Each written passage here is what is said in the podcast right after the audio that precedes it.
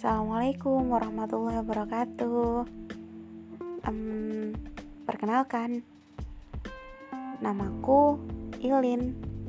Sebelumnya selamat datang ya di podcastku Selangkah Pena. Uh, kenapa aku bikin podcast? Nih, ada sebuah hadis riwayat Ahmad.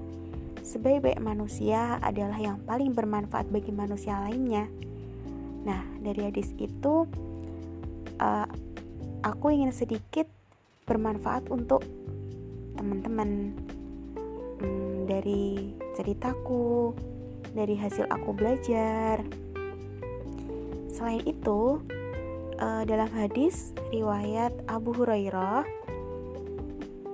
uh, yang membahas tentang amal jariah yang bunyinya Ketika seorang telah meninggal dunia, maka terputuslah amalnya kecuali tiga perkara, yaitu sedekah jariah, ilmu yang bermanfaat, dan anak soleh yang berdoa untuk orang tuanya. Nah, di situ ada salah satunya tuh ilmu yang bermanfaat.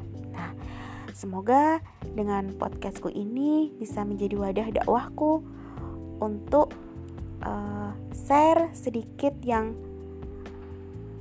ilmu yang aku miliki untuk teman-teman yang insya Allah itu bisa menjadi amal jariah ketika esok uh, aku sudah tidak ada di dunia.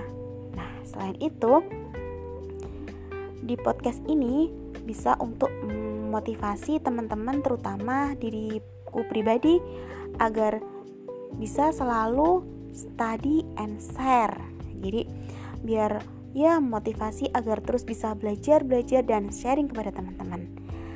Uh, selamat menikmati podcastku ya.